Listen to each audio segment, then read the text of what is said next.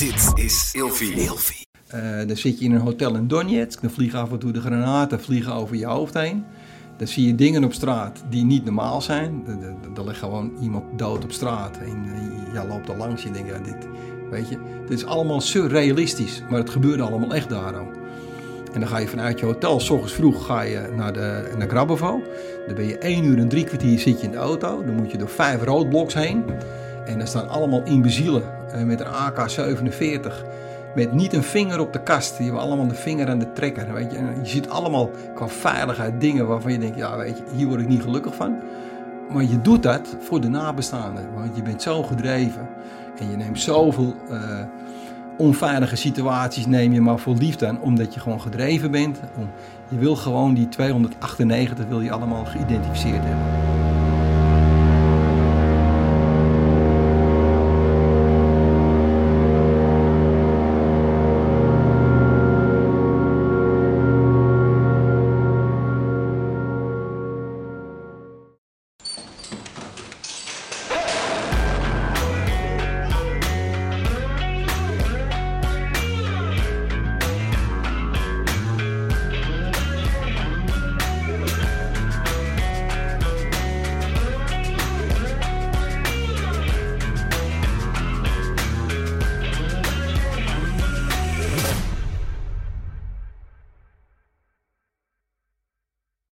Ja, Zo, Jut en. Jul weer naast elkaar.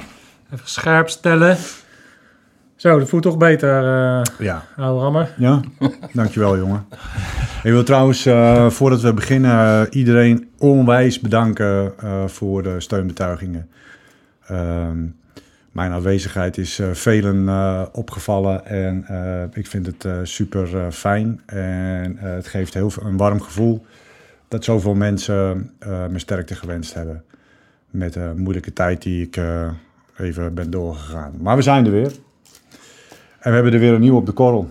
Yes. En ook deze die zal eh, daar waarschijnlijk niet heel erg van onder de indruk zijn. Waar ik blij mee ben is dat ik eindelijk een keer niet de oudste ben aan tafel, John.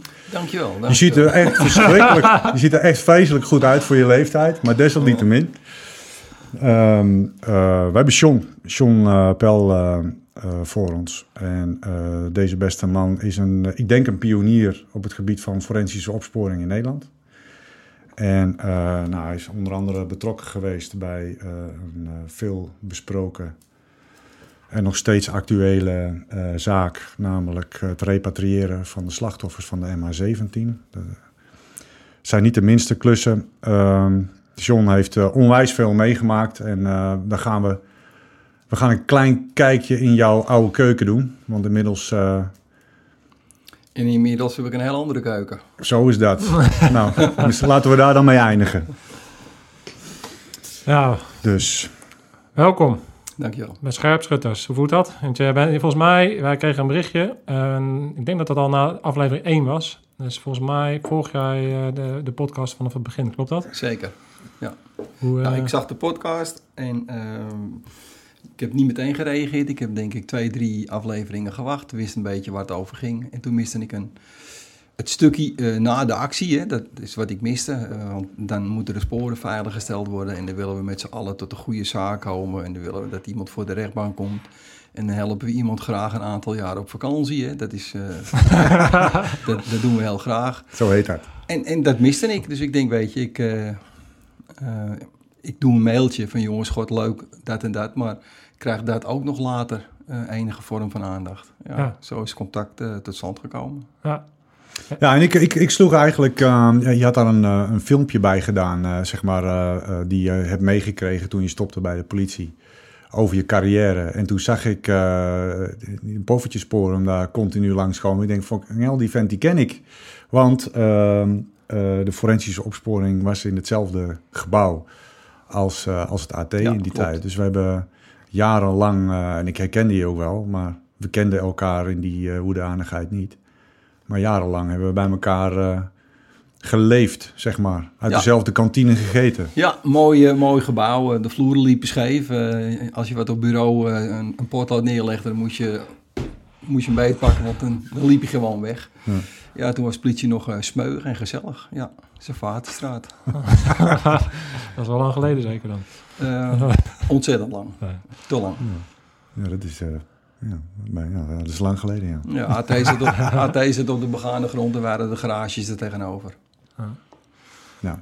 Ja, wat ik, uh, wat ik als leek hè, vanuit forensisch, want ik ben dan wel, uh, ik kom vanuit de groene kant. En uh, toen, jij daar, uh, toen je met je voorstel kwam, dacht ik, ja, je, je, hebt ook helemaal gelijk. En ik denk dat het een, een, het forensisch gedeelte, bijvoorbeeld bij de groene kant, een ondergeschoven kindje is. Ik heb nog meegemaakt dat we in onze SF-opleiding, dat we dan daar net mee begonnen, ja, voor mijn gevoel net mee begonnen. En dat het allemaal een beetje knullig overkwam op, mijn, op mijzelf. Dat ik dacht, ja, hebben we daar nou niet mensen voor die daarvoor gestudeerd hebben, om het maar even zo te zeggen. Um, maar ja, daar zijn dus daadwerkelijk uh, mensen voor die daar uh, voor op aarde zijn. Dus jullie deden niks anders dan dat werk. En volgens mij heb jij heel erg lang wer dat werk gedaan. Kan je ons eens meenemen ja, naar, naar, de begintijd? Want uh, we praten hier over 35 jaar ervaring. Maar even terug, hè. Ik ja. zie er nog steeds goed uit, hè? Ja, dat, ja, dat maar dat, heb, dat heb ik al. Dat, heb, dat compliment heb ik al gemaakt, man. Ja, dat, dat, dat, is één uh, grote ontdekkingsreis geweest. Uh, vroeger had je de TOD, de Technische Opsporings- en Herkenningsdienst. Mm -hmm. um, ik, ben van, ik ben in 83 bij de politie gekomen. Ik ben in 89 bij de TOD gestart als leerling-regisseur. Uh, technisch opsporingsambtenaar heette dat toen nog. Ja, en dat waren twee verschillende werelden. De wereld van techniek en, en van tactiek. Uh, wij hadden niks te vertellen, wij mochten niks doen. Wij deden alles op aanvraag van de tactische regisseur. Ja, dat heb ik van Kieter van een beetje vreemd gevonden. Hè? Ik denk, uh, waar is dan die samenwerking? als ik op verzoek van een regisseur een foto ergens van moet maken, dan denk ik, ja, weet jij nou wel wat er nog meer te halen valt dan die foto? Dat is altijd wel een beetje een competentiestrijd geweest tussen tactiek en techniek. Later kreeg je daar gelukkig ook nog de info bij. Later kreeg je plaatselijk management. En het heeft heel lang geduurd. Maar op een gegeven moment zijn al die diensten binnen de politie op een plaatselijk toch gaan samenwerken. Dus je had de TOD. Toen werd het de TR, de technische recherche. Toen werd het de forensische opsporing. Maar weet je, het is allemaal hetzelfde. Ja, uiteindelijk is het... Uh... Uiteindelijk gaat het erom dat je sporen wil veiligstellen... en dat je wil bijdragen in de bewijslast. En laten we eerlijk wezen, Boris Boef die, uh, heeft een advocaat en die beroept zich op zijn zwijgerecht wat hij heeft. En moet je gewoon zorgen dat je de bewijslast vooral uh, met technische ondersteuning uh, rond gaat krijgen. Want verklaringen zijn er bijna niet meer. Hè? Nee. En dan is het weer belangrijk dat als een optreden PD is, dat je daar het maximale uithaalt. Want PD is? Plaatselijk. Plaatselijk, ja. Je, je, je, kan het kuntje, uh, zoals ik het af en toe wel eens oneerbiedig noem, je kan het maar één keer doen, hè? Ja. Ja, ja. ja want je hoort de mensen die daar geen verstand van hebben, die lezen de krant en dan, uh, en dan uh, is het vaak van, kan ik me voorstellen, er is een zaak en dan loopt die dus mis. Dus er loopt eigenlijk iemand vrij rond, omdat die zaak niet rondgekregen is en dan, daar lopen mensen dan om te zeuren. Maar kan jij ons eens meenemen in hoe complex uh, dat proces eigenlijk is, wat er achter, achter schuil gaat en hoeveel er dan ook missing kan gaan in dat hele proces. Jawel, uh, dat, dat proces dat begint aan de voorkant met de, wat nu dan is de forensische opsporing. Hè? Mannen en vrouwen in witte pakken. Hè? Dus die overgang heb ik ook nog meegemaakt. Dat je dus als, uh, als coördinator collega's in een wit pak moest hijsen, omdat die al die had al 30 jaar in een spijkerbroek op een PD gewerkt. Maar gezien de technieken en vooral het DNA gebeuren, dat dat niet meer kon met contaminatie. Kijk, vroeger konden we bijna niks en tegenwoordig kunnen we bijna alles. Dan zit je er ook nog mee dat als je aan de voorkant een heleboel kan veiligstellen, een heleboel kan doen, dan zit je ook dat aan de achterkant bij het Nederlands Forensisch Instituut, dan moet het ook naar binnen kunnen gaan. Daar moet ook capaciteit wezen. Ik ben ervan overtuigd dat er veel meer mogelijk is, maar dat we nog steeds heel veel keuzes op basis van capaciteiten doen. Beperkte capaciteiten. Ja, de capaciteit is beperkt. Een paar weken terug las ik dan weer een artikel uh, dat we 2000 technisch regisseurs tekort komen in, uh, bij de nationale politie. Ja, dat, dat, roep ik al twintig jaar geloof ik, maar ik ben altijd een roepel in de woestijn geweest. En dat is altijd zo. Het legt er maar net aan waar maak je de keuzes. Ja. Als bezuinigd gaat worden, dat is de politie ook niet vreemd ja, dan, dan, dan kost dat ook ergens kost dat capaciteit. En als je dan niet toevallig ergens een zaak hebt waarmee je kan scoren. Kijk, iets heel geks. Vroeger had je de ontvoeringen van de heer Heijn en de heer Heineken. Uh, en die leverden je als afdeling heel veel materiaal op. Want dan, Dat was een teken dat je eh, dingen kon vragen die je budgetair eigenlijk nooit naartoe kwam. Ja. Dus, dus dat is niet goed, laat het helder wezen. Of dat was niet goed. Maar tegenwoordig, ik ben ervan overtuigd dat je veel meer kan. Maar ja, dan zal toch eh, iemand in Den Haag zal er toch geld voor moeten vrijmaken. Ja. Dus doen we met z'n allen nog steeds de dingen die we doen. En die doen we verrot goed. En er zijn, er zijn, er zijn mensen bezig die doen het met 110% en die zijn bloedenthousiast. En die werken heel veel over, wat eigenlijk ook niet eens kan. Hè, want daar heb je ook weer mee te maken dan. Maar je kan er meer uithalen. Maar ja, dit is de beperking die we hebben, dat is capaciteit. Ja. Heb je ook het idee dat, ehm, dat daar zeg maar eh on the job eh, keuzes in gemaakt worden? Zo van nou, we kunnen eigenlijk meer, maar we moeten nu gewoon stoppen. Oh, zeker. Ik bedoel, eh, dat doe je in het, in het overleg met, met tactiek en met de officier. En dan ga je prioriteiten stellen. En dan heb je een x-aantal sporen. En die kun je niet allemaal inbrengen. Want eh, dan, dan duidt NFI vol. Dus dan moet je keuzes gaan maken. Wat doen we eerst? En, en, en wat doen we dan eh, als de ene niet het gewenste resultaat oplevert? Wat, wat pak je dan? Wat ga je dan, wat ga je dan inzetten? Want de capaciteit bij het NFI is ook niet onbeperkt. Dus dat is, iedere keer is dat een samenspel met je ketenpartners. Ja, ja. NFI is een Nederlands Forensisch Instituut. En, Ja. daar, en daar, daar hebben ze dus ook, daar, daar komt alles uiteindelijk binnen. En daar hebben ze ook beperkte capaciteit. eh, ware. Zeker, Ja, ja. Terwijl eh, bij het NFI ook vijf jaar geleden een reorganisatie was. Er mensen uit moesten, weet je. Ja, dan denk ik, jongens, hoe kan dit nou allemaal? Ja, mensen dit eruit is altijd makkelijk, hè? maar die kennis weer terughalen en dat weer opbouwen, dat zie je bij Defensie in Ja, eh, mijn wereld is- dan ook continu. Is, ja, het is zo makkelijk om dingen stop te zetten. Maar gooi er maar eens een onderzeedienst uit. Zeg maar eens een keer van oké, die gooien we eruit. Als je dat ooit weer terug wil voeren, dan, dan loop je gewoon achter de feiten aan. En Ja. dat is natuurlijk met... met Maar niet voor een korte periode, Nee, maar echt. voor een hele lange ja, periode. Een hele lange periode. Ja. En ehm, wat ik me besef is dat op het moment dat er dus een AT wordt ingezet, dan zit er dus altijd een forensisch onderzoek aan vast. Dus dat betekent, eh, liepen jullie dan bijvoorbeeld ook met een pieper rond? Eh, hoe, hoe, zag dat eruit? Wat voor soort jongens werken daar? Nou ja, eh, er zit eentje op voor ons, maar we hebben natuurlijk, vroeger moest het allemaal blauw wezen. Hè? Dus zeg maar eerst bij de TOD was het allemaal technisch, administratief technisch personeel. Dus niet blauw.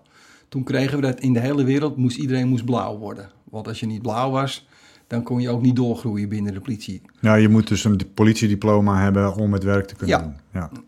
En dat, ja, dat gaat nergens over natuurlijk. Hè. Later hebben we gelukkig weer de zijinstromers gehad. En toen werd ook het niveau werd hoger. Toen werd iedere eh, technisch regisseur die binnenzwam, moest een hbo-opleiding hebben gehad. Dus, dus toen ging het niveau ging, eh, ging natuurlijk ook omhoog. ja, Als je alleen gaat kijken naar eh, zeg maar 35 jaar terug, zeg maar rond de 80 jaren, en je gaat er nu naar kijken, ja, dan eh, zit je nog steeds met je capaciteit, zit je nog steeds dat eh, mensen piket hebben, zit je nog steeds dat je geen nachtdiensten hebt, want dat kan niet, want je komt gewoon mensen tekort. En doe je het nog steeds met de mensen wie er zijn, nog steeds in een piketvorm. Piketvorm houdt in dat je wordt ingeroosterd, dan ben je al je maximale uren ingeroosterd. Elke piket inzet, dat is, zijn de extra uren die je draait. Ja, noem het maar op. Ik bedoel, het, het, het- hoe je het went of keert, je komt steeds bij hetzelfde uit. Ja. Je zou meer kunnen. Als een AT een inzet hebt, dan is het hartstikke mooi. Eh, Boris Boef, zeg ik maar even, wordt uit zijn bed getrokken. ja, Eh, dat is niet uh, smiddags om vier uur, maar vaak s ochtends om vier uur. ja, Dan is het de boel bevriezen. En dan is het eh, eh, FO erachteraan om alle sporen veilig te stellen. Ik vond het veel interessanter om samen te werken met het AT. Om te kijken, wat doet het AT allemaal daar? oh? Waarmee zouden wij kunnen ondersteunen in een stukje voorlichting, opleiding voor het AT? En tuurlijk gaan een heleboel dingen gaan voor, laat het helder wezen. Maar als je dan toch kan kiezen op het eind uit, uit twee of uit drie keuzes, ja, dan wil ik heel graag betrokken zijn bij die keuzes. Dan wil ik ook betrokken zijn in welke materialen moet je daar dan voor gebruiken. En, en een vuurwapen veilig stellen, ja, je kan dat niet altijd laten liggen daar waar Boris Boef vandaan komt. En het is heel simpel om het goed veilig te stellen. Maar als wij dan een vuurwapen kregen en we wisten niet hoe het veilig gesteld was en we gaan het bemonsteren en er komen sporen af. En later blijkt dat die sporen ook van medewerkers van het bedrijf zijn, ja, dan, dan ben je niet goed bezig, denk ik. maar, Nou, precies. Dus je hebt het over, ehm, eh, hè, er is een AT-actie. Eh, wat zijn eh, eh, zeg maar eh, sporen en wat zijn inzetten die zij daar kunnen doen? Want wij waren natuurlijk devastating voor sporen. Als we naar binnen Ja. kwamen, dan maakte het ons geen moer uit. Begrijpelijk. een opdracht en eh, Begrijpelijk. ja. Maar goed, als het dan de job gedaan is, dan kun je wel degelijk gewoon eventjes eh, pas op de plaats maken en, en goed kijken en, en de eerste dingen doen. Maar, Ja. maar bedoel je ook dat... Maar je hebt dan verder- al- alleen over wapens of heb je het dan ook nog over andere? Alles. Want ik kan me ook voorstellen dat je aan de voorkant eh, nog wel verder zou willen gaan. Dat je ook eh, iemand aan tafel wil hebben van forensisch onderzoek om te bepalen van... Ja, moet je nou wel met explosieven naar binnen gaan? Want de kans bestaat dat je daar sporen vernietigt die voor ons interessant zijn. Je moet met explosieven naar binnen. hij is er gaan. weer, hoor. weer. ja, maar je moet met explosieven naar binnen. Ja, dan, dan 100%. krijg je natuurlijk ruzie met deze grote jongen. Maar zou, Nou, maar ik heb altijd geredeneerd, eh, het AT heeft een, een een job te doen en die, en die moeten ze ook doen. En je moet niet je FO-werkzaamheden gaan vermengen in, eh, bij AT, want dan krijg je hele... Ja, dan, dan krijg je een, een ongelukkig huwelijk, denk ik. Je moet het AT zijn dingen laten doen, maar je, maar je moet die AT die naar binnen gaat, die moet je gewoon een, be- een beknopte opleiding geven en meegeven. Want die moet daar zelf keuzes maken. Ja. Want geen één optreden is hetzelfde. Dus iedere keer eh, de overweging maken van eh, wat doe ik wel, wat doe ik niet. Maar die moet niet leggen in het feit hoe die, die, hoe die Boris Boef moet aanhouden. Die moet Nee. Boris Boef gewoon aanhouden. Alleen dan, dan heb je status quo. Dan kan je de boel bevriezen. Dan kan je eh, rekening houden met het aantal sporen. ja. Eh, noem alle grote zaken maar op. Het is allemaal sporenmateriaal. Het is heel veel DNA. Het is heel veel haren, vezels. Eh, wie heeft wat in zijn handen gehad. En natuurlijk weet je dat niet met een vingerafdruk. Want er staat niet bij deze vingerafdruk is op dag, datum, tijdstip gezet. Dat weet je niet. Maar je kan wel zeggen dat eh, dat individu het ooit in zijn handen gehad heeft. En dat heeft ook weer in het tactische proces is dat natuurlijk wel waardevol. Dus hetzelfde als met, met vuurwapens, eh, eh, het afpoetsen van DNA. De zaak, de liquidatie Thomas van der Bijl. Misschien heb je er ooit wel eens van gehoord. Eh er was een van de zaken die nu eh, met Hollede genoemd is. Daar kwam een vuurwapen uit de Rijpgracht vandaan. Daar is materiaal van afgepoetst. En eh, ik verkondig nu geen geheimen, want het heeft gewoon overal breed het in de media gestaan. Daar is materiaal van afgekomen van een Boris Boefje. en dat geeft er aan eh, dat de tactische daarmee met het, Boris- het materiaal van Boris Boefje, want die komt ervoor in de DNA-databank, ja, dan begint een onderzoek te lopen als het ware. Ja. En vroeger was het eh, één schot, eh, had je één huls op een PD. Ja, en vroeger waren de, liquida de liquidaties toch anders dan nu, want nu is het heel veel grof geweld. Het is Ja. niet één keer schieten, maar twintig keer schieten. Ja, vroeger had ik het idee, had je nog te maken met professionals. En tegenwoordig krijgt iemand van 17, 18, 19, die krijgt zo'n ding in zijn handen en, eh, Rammelen. en rammelen. Eh, ja, weet je wat ik eh, interessant vind aan wat je nu vertelt, is ehm, die, die wereld die erachter schuil gaat. Ik denk dat dat voor heel veel mensen iets is wat tot de verbeelding spreekt. Voor jou is dat realiteit geweest. Maar als je er echt over na gaat denken, is de plekken waar jij bent geweest, dat zijn denk ik plekken waar mensen normaal niet komen en ook niet echt zouden willen komen. Nee. En dan denk ik wel dat, jij weet waar ik het over heb. Je komt natuurlijk een hele heftige eh, scènes, kan jij ergens binnenkomen. Hoe is dat voor jou geweest, dat proces? En, eh, wat voor dingen heb je daarin meegemaakt en gezien? Nou ja, het- ik heb ooit eens met een, eh, met, met een psycholoog van mij, ik ben, ik ben, ik ben behandeld voor PTSS. Ik heb PTSS opgelopen. En dat heb ik opgelopen van alle vervelende dingen van, eh, die ik in die 35 jaar heb meegemaakt. We berekenen dat ik ongeveer, ik in mijn rol, 1500 doden heb gezien. Maar daar zitten dus ook kinderen bij. En ik ben zelf ook vader en ik ben grootvader. En ik kan je vertellen dat als je een woning binnenkomt en er zijn kinderen bij betrokken, eh, ja, dat het best wel heftig is. En jij kan niet s'avonds als je thuis zit in je gezinnetje aan de keukentafel zeggen dat je kinderen vragen: Hé hey pa, wat heb je vandaag meegemaakt? Want die zagen mij dan meestal wel op het journaal schuiven. Vooral in de periode dat ik nog regisseur was in een wit pak. Ja, kan je moeilijk zeggen van ja, pa, vandaag. eh, hetzelfde als dat je een, een, kliko-bak opentrekt, dan ligt de hoofd van een vrouw in. Ik bedoel, eh, ik, ik moet zeggen, ja, papa was vandaag in een tuintje bezig en deed een bak open. Dus, dus En kijk nou, je, die Ja. kan je niet delen met je gezin. En eh, ik heb PT6 gekregen. Ehm, ik heb altijd heel veel betekend voor mijn medewerkers op dat gebied. Hè. Daar ben ik altijd heel erg goed in geweest. Ik ben om mezelf, te, eh, mezelf ik verwaarloosd, zeg maar.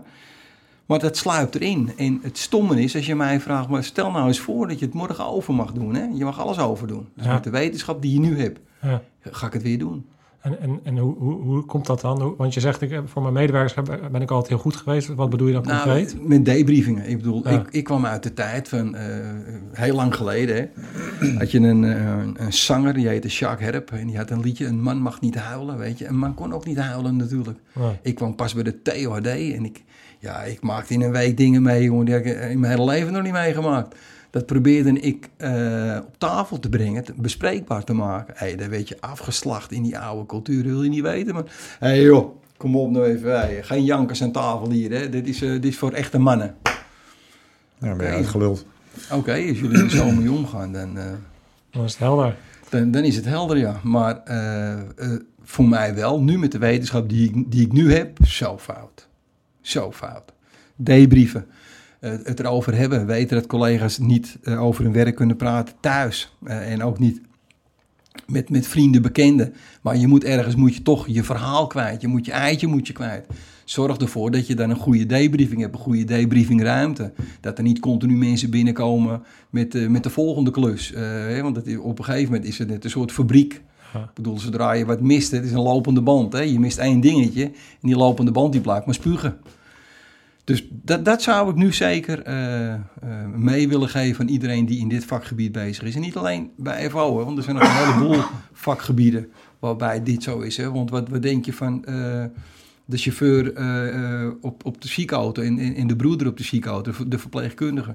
Wat denk je van Defensie? Wat denk je van de... We hebben nu zoveel kennis van PTSS dat ik hoop dat we nu een keertje aan de voorkant kunnen gaan zitten. Ja. ja want hoe, hoe, is dat, hoe is dat traject dan bij jou verlopen? Want is dat op de een of het andere moment? Heb je dingen gemerkt? En hoe, hoe is dat dan? Hoe is dat pulletje bij jou volgelopen dan? Ik heb in eh, 2008 heb ik, eh, een, eh, een burn-out gehad, hebben ze verteld. Een burn-out. Maar dat was al PTSS. Ik bedoel, eh, als ik terug ga denken, 2008, 2009 burn-out. Nee, dat, dat was PTSS. Dan ga je er gewoon mee door. En ik merkte dat, dat ik emotioneel werd. Weet je, je zit een keer een aflevering van Spoorloos te kijken. Zit je op de bank. En eh, dan ineens begin je te janken dat mijn vrouw zegt van, eh, die kijkt me zo aan, zo, hij gaat het wel met je. Weet je, dat zijn de eerste signalen dat je emotioneel instabiel begint te worden. En tuurlijk had ik het ook nog wel met andere dingen, dat ik ook andere mensen ervoor behoede, weet je. Kijken ben ik altijd tegen geweest. Als je op een partij kwam, dan moest je een missie hebben, wil je altijd leed en ellende zien. Ja, Als ik stagiaires bij me had en het was te erg, dan gingen die stagiaires niet mee naar binnen. Eh, want je, je beschadigt iemand. Degene die je dan niet mee naar binnen neemt, die neem je dat wel kwalijk, maar dat is een bescherming, omdat ik zelf wel weet wat je allemaal voor je kiezen krijgt natuurlijk. ja, Ja, en bij mij is dat begonnen. eh, ik ben nu met een mooi woord met eh, medisch, medisch pensioen, noem ik het zelf maar even. Ik ben drie jaar geleden ben ik geopereerd, open hartoperatie. Een lekkende hartklep en een lekkende mitralisklep. Ik zit nu zeg maar in de, in de derde helft, hè, in de extra tijd. Want eigenlijk had ik gewoon dood neer moeten vallen. Dat is geen wat de cardioloog mij vertelde. En een half jaar daarna kwam ik uit mijn open hartoperatie. eh, moest ik weer aansterken, maar ik sterkte niet aan. Ik werd alleen maar slechter. Toen is de PTSS, die is mijn oren uitkomen stromen. Toen wist ik wel, ja weet je, dit is goed mis dit. En dat ga je in het begin, dat ga jij niet herkennen. Jij gaat niet zeggen dat je ziek bent. Want ik bedoel, eh, en dan kom ik weer terug bij een man mag niet huilen. niet lullen maar poetsen. Ja, niet lullen maar poetsen en niet zeiken. En eh, geen geitenwolle sokken en Jezus sandalen aan. Hup, kom op, eh, ga met die banaan. Maar weet je, er viel niks meer te gaan, jongen. Ik was een, ik was een mentaal wrak, echt. Ja, het is, En nu niet meer, hè. Ik bedoel, Nee, ik zit nu er- tegenover jullie, hè. ik, ik ben natuurlijk al behoorlijk uit de dal gekomen, hè. Nou, maar het is wel interessant, want we hebben natuurlijk eh eh, Joepie een aantal afleveringen eh, gehad. En eh, eh, ik, ik vind het wel eens interessant om eens te gaan kijken aan de voorkant van PTSS. Ja. Ehm, om het te voorkomen.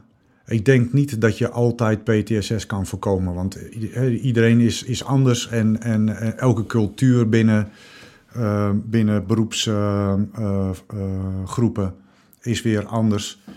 Ik denk dat de cultuur heel erg belangrijk is. Hè? Hoe, eh, hoe, hoe gemakkelijk eh, je erin valt, ja of nee. Hè? Als jij het hebt over ja, 35 jaar geleden, dan, eh, dan werd je nog net niet uitgescholden als je eh, het ter sprake probeert te brengen. En, en nu vind ik het heel belangrijk om dat in, in, in een goede debrief. Ja. eh, wel op tafel te leggen van oké, wat heeft het met je gedaan? Ja. Ehm, wat, wat, wat, denk jij eh, zou kunnen... eh, Ik, ik kan me ook zo voorstellen, als jij al die verschrikkelijke dingen gaat zien... en het is je vakgebied om eigenlijk van heel dichtbij op zoek te gaan naar sporen... binnen een verschrikkelijk theater, binnen een verschrikkelijke setting. Als je van tevoren met een mindset naar binnen gaat, de reden waarom je dat doet... eh, eh, lost dat niet al een beetje op of maakt dat niet uit? Snap je wat ik bedoel? Zeker. V- 5% krijgt PTSS, ongeacht wat. 5%. Ik denk dat eh, je kan het accepteren, die 5%. Maar ik denk ook dat je kan proberen om die 5% naar beneden te brengen. Ik denk dat als je aan de voorkant al een heleboel dingen gaat meegeven, eh, in- representatief gaat, gaat, gaat zitten daarin, zeg maar, mensen veel beter eh, mee gaat geven waar ze tegenaan lopen. Want een technisch regisseur, eh, en of het nou mannelijk of vrouwelijk is, allemaal fantastisch. Maar die manipuleert ook met een lichaam. Die zit dus ook aan een slachtoffer. Dus jij moet ook sporen veiligstellen vanaf het slachtoffer. Ja, ja. En het slachtoffer kan er nog redelijk uitzien, maar een slachtoffer kan er ook heel beroerd uitzien. Een slachtoffer kan ook een half jaar in een woning hebben gelegen. En dat eh, voor de ramen dat je denkt dat de gordijnen hangen, hoor, zwarte gordijnen. Maar dat zijn 3 miljoen vliegen die in het huis eh, in de rond gaan. eh. Dus in al die stadia's krijg jij als forensisch onderzoeker op een PD, daar krijg je mee te maken. En ik denk dat als je meer aan de voorkant gaat zitten en je zou wat meer de people manager gaan, gaan uithangen dan, eh, nu, heden ten dagen, en ook bij die andere eh, eh, takken van sport, ja, daar, daar valt in mijn beleving best wel winst te maken, ja. Eh, is, maar is daar dan niet ook het gevaar, hè? Dan, eh, dat heb je natuurlijk eh, bij, in, hè, bij, bij- binnen Defensie ook, heb je ook eh eh, Sander eh, Aarts is zo'n type, die zegt "Ah, altijd varen doe ik wel.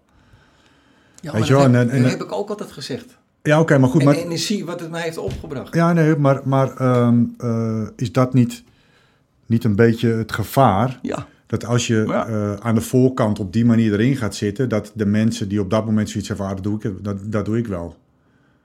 Nou, dat, eigenlijk deed jij Dat- dat, ook een beetje. Ja, dat het een Ja, soort, want je ging ook mensen mentale beschermen. kwestie wordt. Ja, maar nemen. Als iemand bij mij een heel vervelend onderzoek had gehad in de periode dat ik leidinggevende was, dan gaf ik hem ook die, die week daarna gaf ik hem vaak wat andere opdrachten, wat andere werkzaamheden.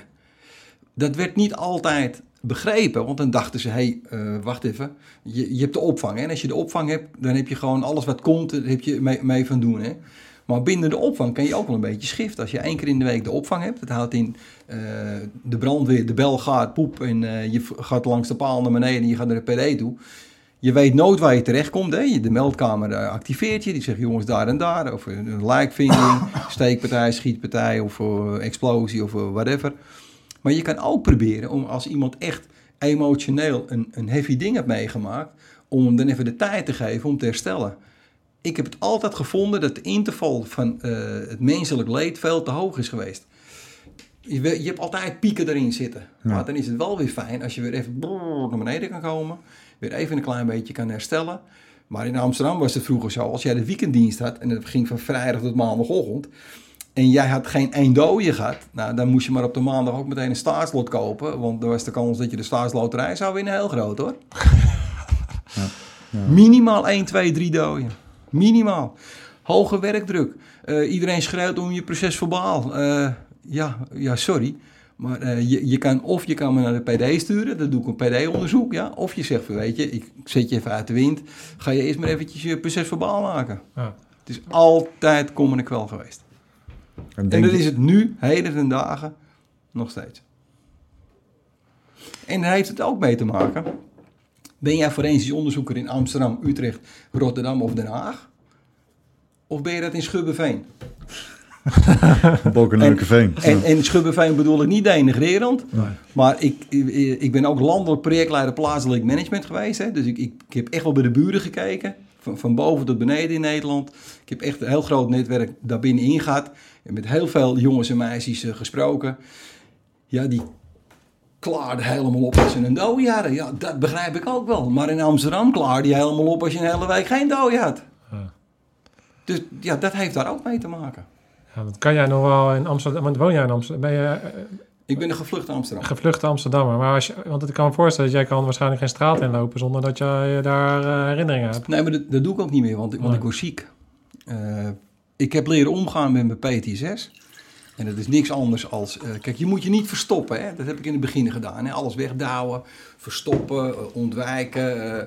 nee, moet je niet doen. Eh, ik, ik kan er uh, mee omgaan. Ik kan er ook redelijke gesprekken over voeren. Maar het wordt te veel. Hè? Als ik in Amsterdam rijd met mijn autootje... en ik ben met mijn meisje in Amsterdam... omdat we lekker een broodje willen eten. Want ik, woon in Zandvoort, hè. En dan denk je, nou weet je, dagje Amsterdam, eh, het familiebezoeken, eh, happy eten, gezellige. Maar ik word gewoon met, eh, aan het einde van de dag, ik word steeds stiller en stiller en stiller. Ja, Want hier heb ik dat gehad, daar heb ik dat gehad. En oh, daar was dat. En dan zijn het niet alleen de huizen, want ze hebben allemaal ook op het wegdek gelegen. Dus weet je, het is... En het rare bij PTSS is, als ik, er, eh, als ik erover spreek, dan kan ik het redelijk managen. Maar als ik ermee geconfronteerd word, dan gaan de luikjes open. Weet je, dat is poing, poing, poing, poing, poing. Je wil er niet aan denken, je wil het niet terughalen. Maar weet je, het gebeurt gewoon. ja, het Ja. kan voor, want hoe, hoe heb jij bijvoorbeeld naar die serie van, eh van Bowen met zijn veteranen gekeken? Heb ik, eh, heb ik echt naar gekeken. Vond ik een heel mooi programma. Voor mij natuurlijk heel, heel herkenbaar.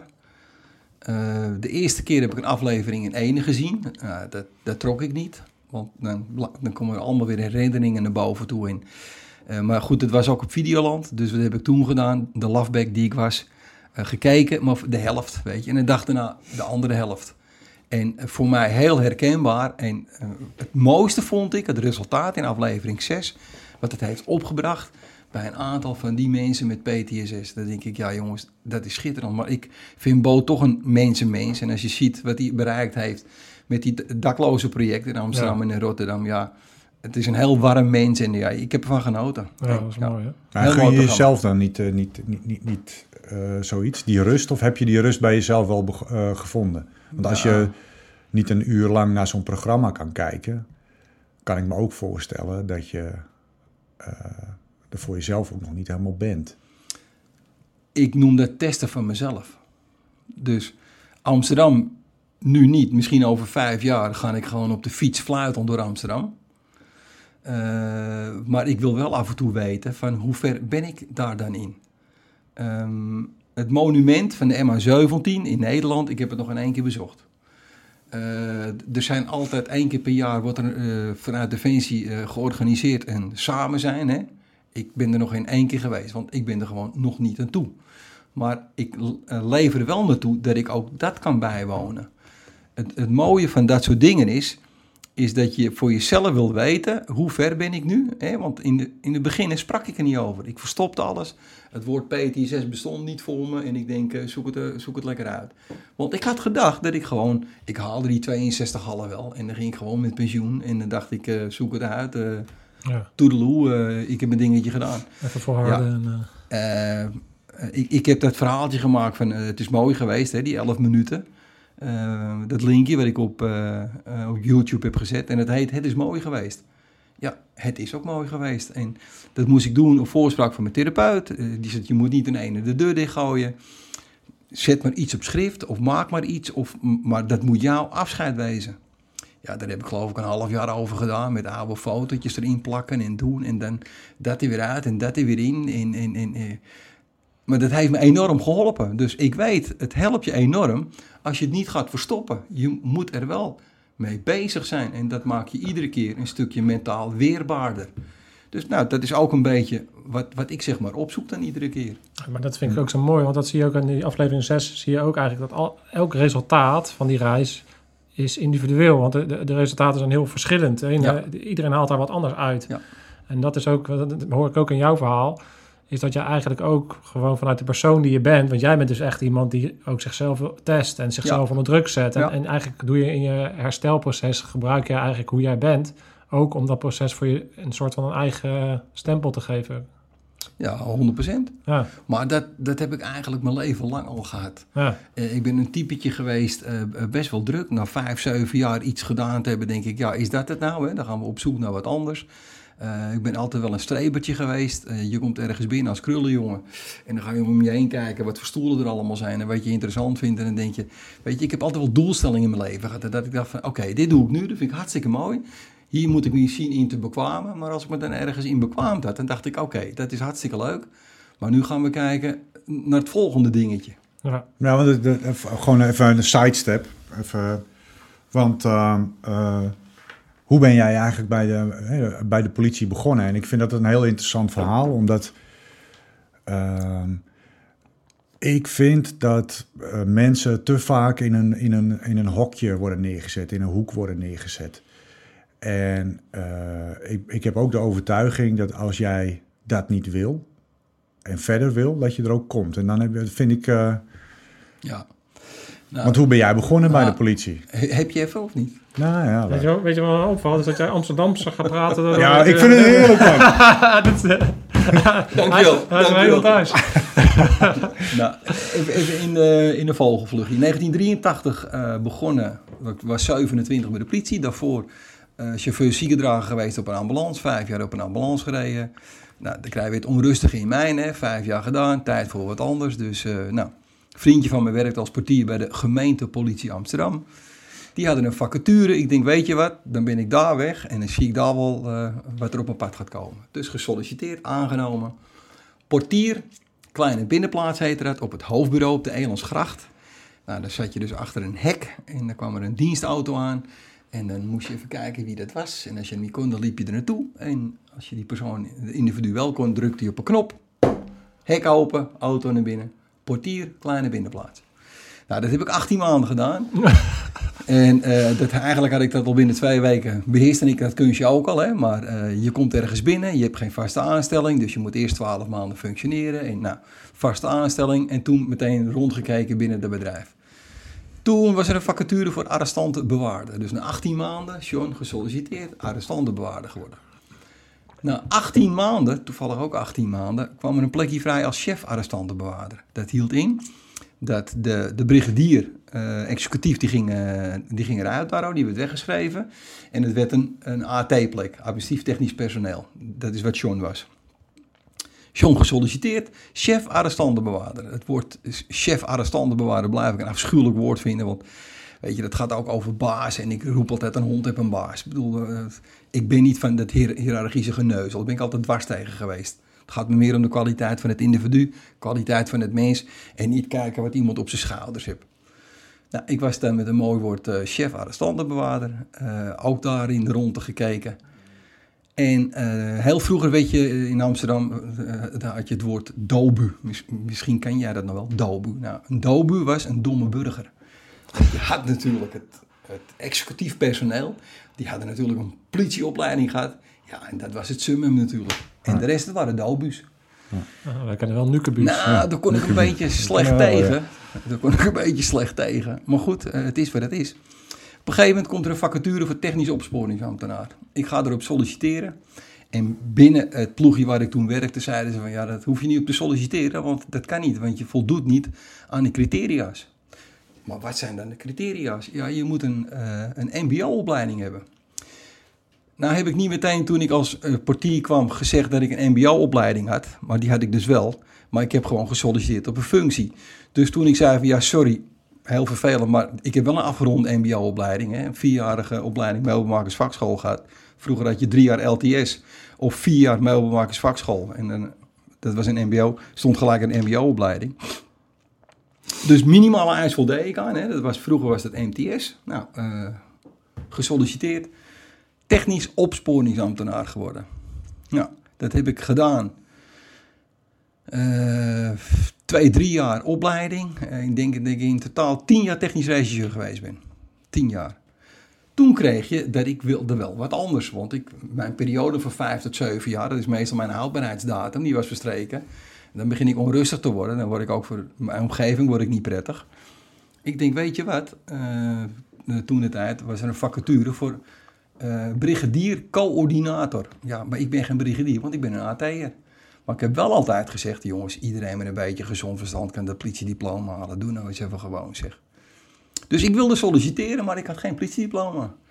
Toen had je, vroeger had je, kon je buiten de dienst om, kon je de politiediploma halen. En, eh, maar dan moest je schaal 5 of 6 wezen en ik was schaal 8 en dat kwam ik niet voor een aanmerking. In schaal bedoelde ik loonschaal. Hè? Mhm. Want dan kon je de collega's nog een perspectief stellen en ik zat al in die, in die max loonschaal 8.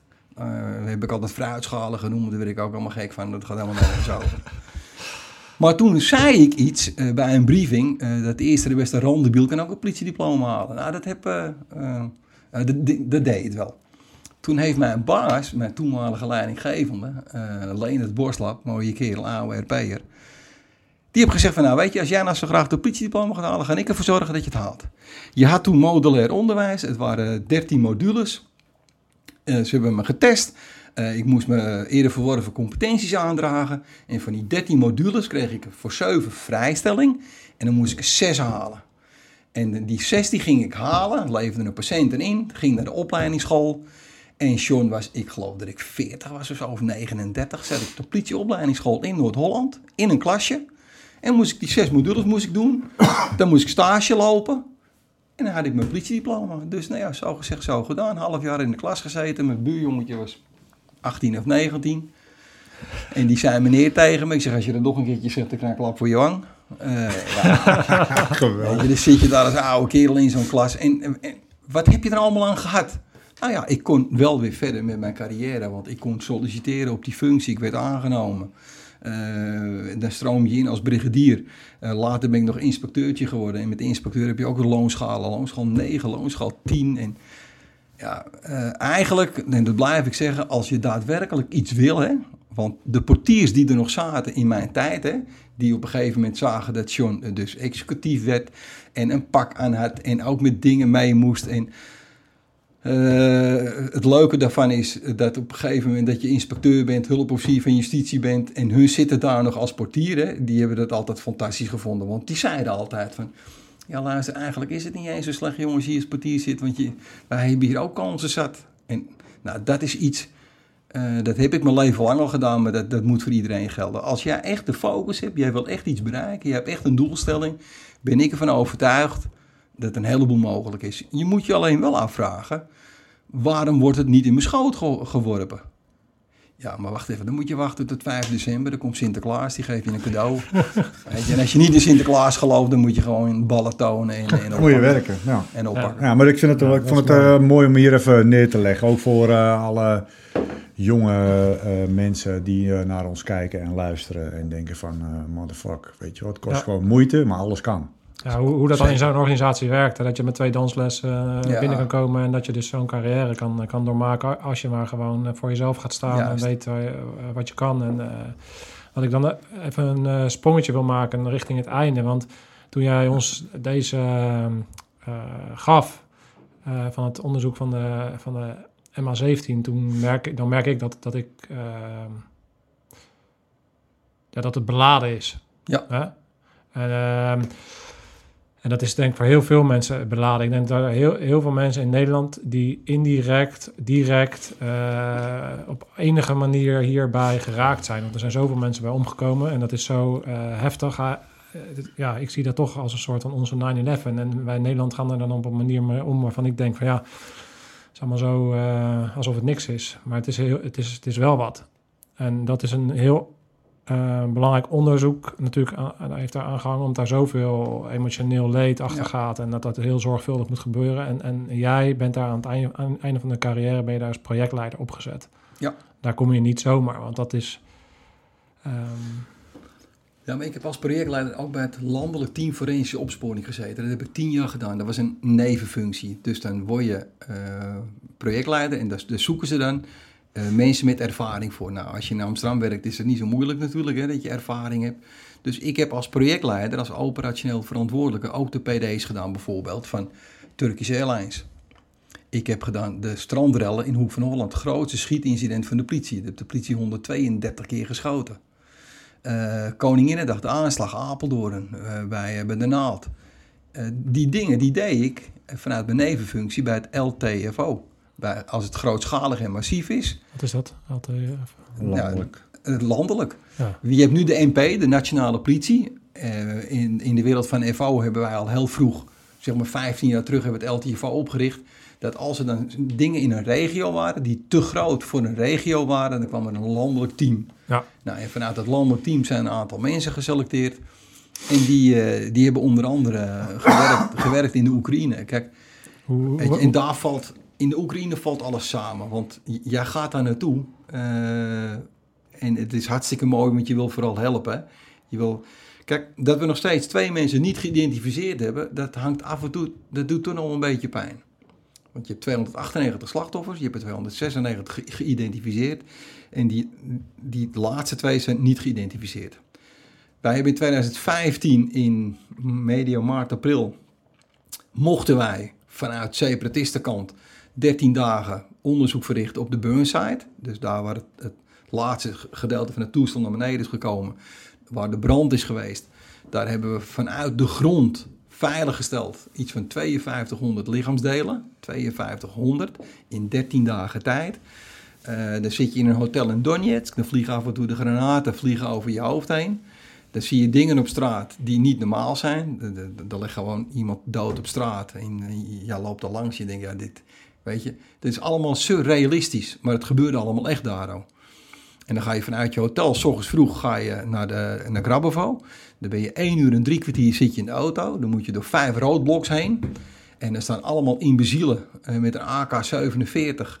Met niet een vinger op de kast. Die hebben allemaal de vinger aan de trekker. Weet je. Je ziet allemaal qua veiligheid dingen waarvan je denkt... ja, weet je, hier word ik niet gelukkig van. Maar je doet dat voor de nabestaanden. Want je bent zo gedreven. En je neemt zoveel eh, onveilige situaties... neem je maar voor lief dan. Omdat je gewoon gedreven bent. Om, je wil gewoon die 298 wil je allemaal geïdentificeerd hebben. En wij hebben ook heel veel bagage nog later veiliggesteld. En dingen opgehaald. Wat is er nog mooier als je eh, een van je, van je naaste geliefden is daar om het leven gekomen en je krijgt een koffertje terug met persoonlijke bezittingen. Weet je, eh, in mijn afscheidstoeneetje van het is mooi geweest, hè, waarin ik een aantal plaatjes laat zien van, van mijn carrière van 35 jaar bij die, bij die politie. Eh, daarvan zijn 26 eh FO-jaren zitten daarin.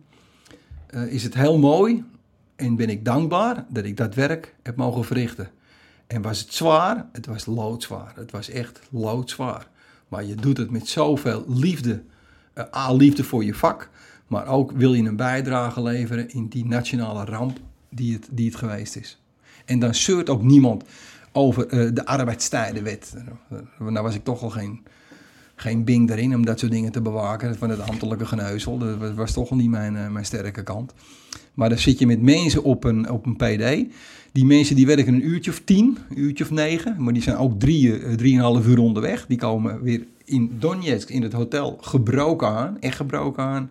En de, de gemiddelde FO'er is best wel een behoorlijke leeftijd. Want die, die vergrijzing is enorm binnen FO. En dan is er niemand die dan tegen jou zegt... John, doe mij komende dag even een of ander ander jobbie... want ik zit er gewoon doorheen.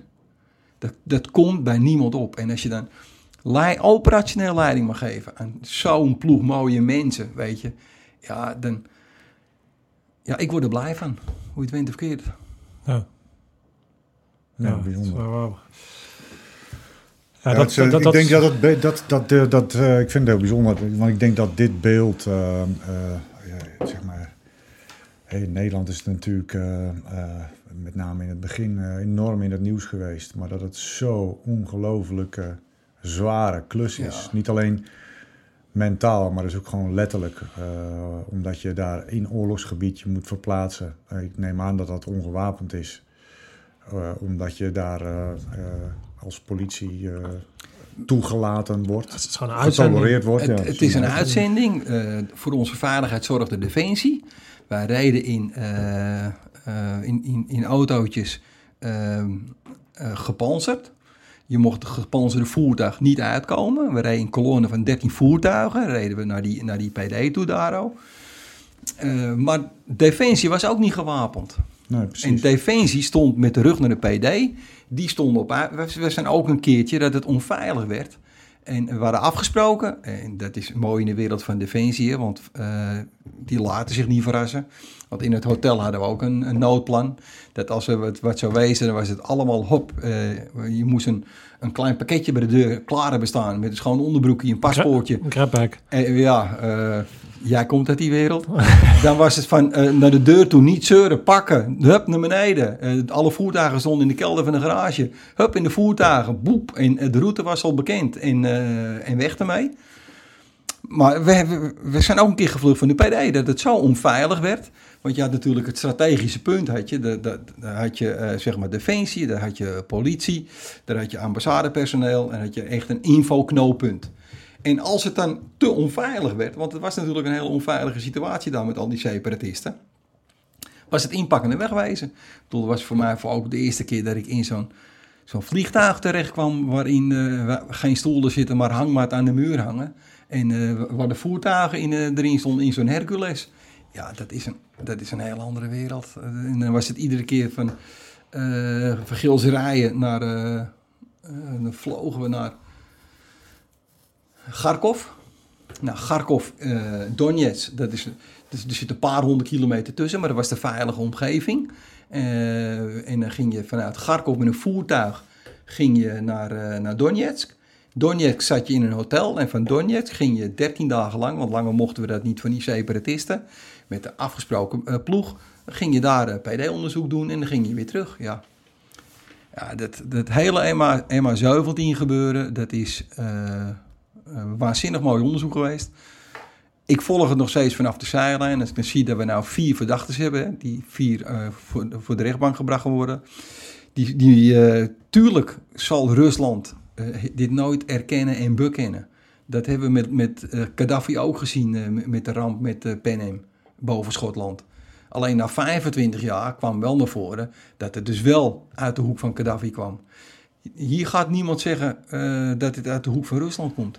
En de bewijzen zijn keihard, maar ze ontkennen alles. Dus ik vind het alleen wel mooi te zien voor de nabestaanden dat Nederland hè, en, en nu JIT, het Joint Investigation Team, er nog steeds alles aan doen om de waarheid boven op tafel te krijgen. Voor 298 nabestaanden. Vind ik heel mooi om te zien. Oh. Nou, heel, ehm, ja, ik denk dat er heel veel mensen, eh, en ik zeg het maar voor al die mensen, eh, vooral denken aan jouw verhaal. ehm, eh, bedankt dat jij daar met de hart en ziel je ingezet hebt eh, voor dat doel. Dat is eh, bewonderenswaardig. En ehm, helemaal omdat we nu al jouw eh, rugzakje een klein beetje kennen. Hè, dus wat de persoonlijke opoffering daarvoor is. En dat, dat het, eh, precies wat je eigenlijk zegt, eh, dat zei je al meteen, ik zou niks anders gedaan hebben.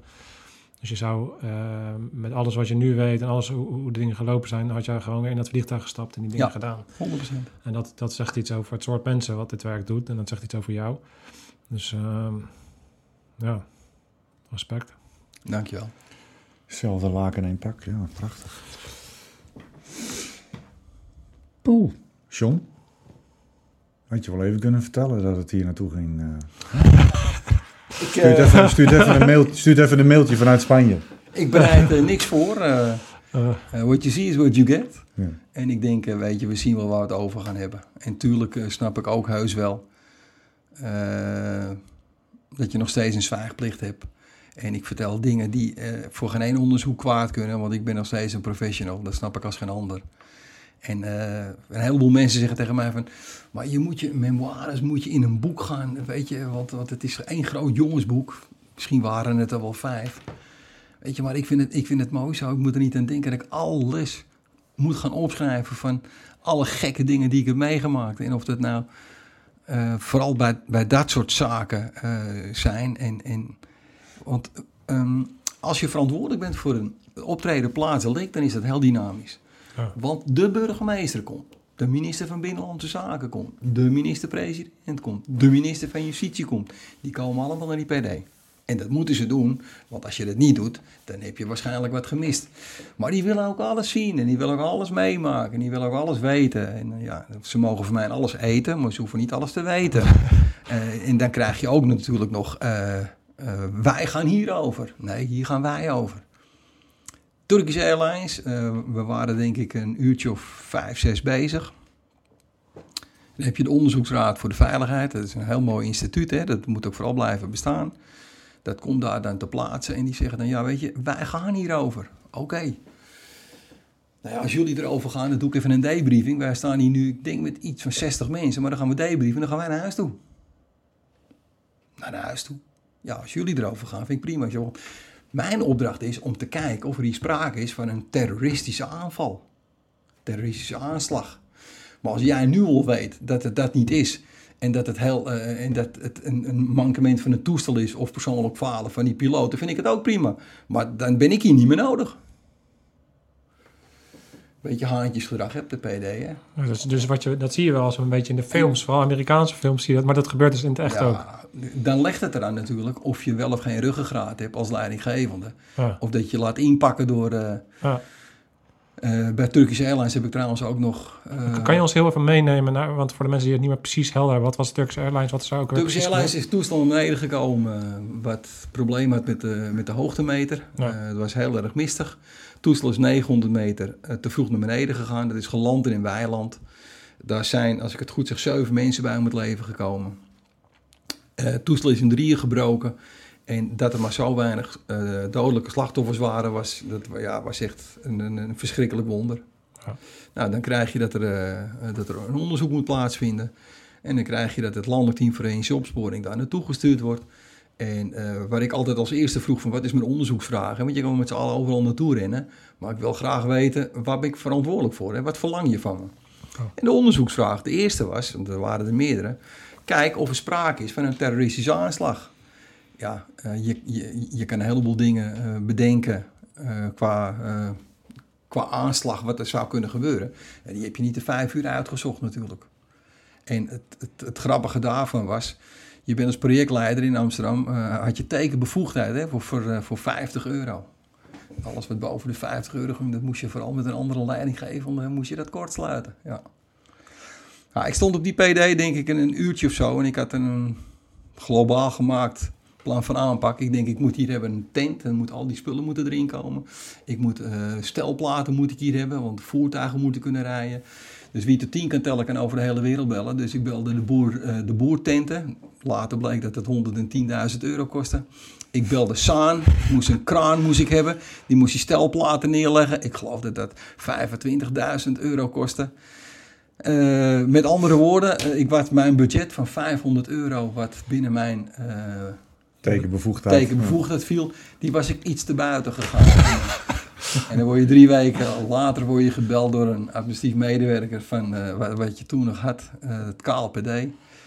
Wie heeft er nou toestemming gegeven voor, voor die tent en voor Saan, die kranen en voor die stelplaten? En ik zei, nou, dat heb ik gedaan. Ja, ja. Maar van wie heb jij de toestemming gehad? Ik zei, nou, die heb ik mezelf maar gegeven. Ik zeg, want of ik het nou doe van een ander. Ik zeg, maar dan moet ik een uur wachten. Ik zeg, het moet er toch komen. Ik zeg, en het werd schemer. Ik zeg, er moest gewoon direct snel gehandeld worden. Ik zeg, maar luister, als je me een ambtelijke draai in oordeel wil geven. Joh, joh, ook best. Ik bedoel, eh, mijn leidinggevende is die en die. En uh, ik denk, doe maar lol. Ja, het ook kunnen zeggen, ik dacht dat het 500 euro kostte, dus... Uh... liegen, daar ben ik altijd heel slecht in geweest. en, uh, ja, dat heet Amsterdams liegen, Ik toch? heb in, in de jaren wel geleerd, hè, dat als je iets niet vertelt, hoef je ook niet te liegen. Dus er zijn ook wel momenten bij geweest dat ik dingen niet verteld heb. Want dan hoef je ook niet te liegen. Omdat oh. je weet van tevoren al, uh, ja, dit levert je een ambtelijke draai om je oren op. Oh. Krijg je een aantekening van in je personeelsdossier. Bam. Spannend. Ja. Fantastisch. Ja, mooi. Mooi, mooi, uh, mooi verhaal. Ik heb eh, precies wat, uh, wat, wat je net zegt. Ik denk als jij al zegt dat je vijf boeken kan schrijven, dan denk ik dat we hier nog een, ja. nog een hele nacht door kunnen, kunnen praten. Toen ik jou net aan het begin ook zag, toen vroeg ik jou van wat is eigenlijk het doel dat jij hier aanschuift. Hè? En um, um, heb jij het gevoel dat jij dat doel bereikt met de dingen die we afgelopen uur hebben besproken? Ja, dat denk ik wel. Ja, ik bedoel, uh, A, meegeven dat ook al is het nog zo mooi, nog zo spannend, er komt nog een wereld daarna, hè, na het optreden, na de aanhouding, na de boom, na alle, alle ge, ge, geweldsincidenten uh, die zich afspelen bij een aanhouding. Ja. Uh, en wat ik misschien ook wel mee wil geven is van, weet je, als je daadwerkelijk iets wil bereiken in dit leven, dan kan het gewoon. En eh, probeer alleen wel wat minder te denken dat het altijd aan die ander, eh, ander legt. En kijk wat meer naar jezelf en wees wat kritischer voor jezelf in plaats van ja maar. Hè? Want we weten allemaal, ja maar, als dat komt, ja maar is nee. Ja maar. Het ligt altijd aan, het ligt altijd aan een ander hè. Ja, het ligt altijd aan een ander. Zo is het. Ja. Nou ja, en volgens mij ligt het niet eh, aan een ander. Volgens mij ligt het aan jezelf.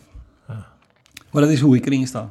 En dat is eh, hoe waar wij ons eh, altijd eh, voor aansluiten. En dat is Yes.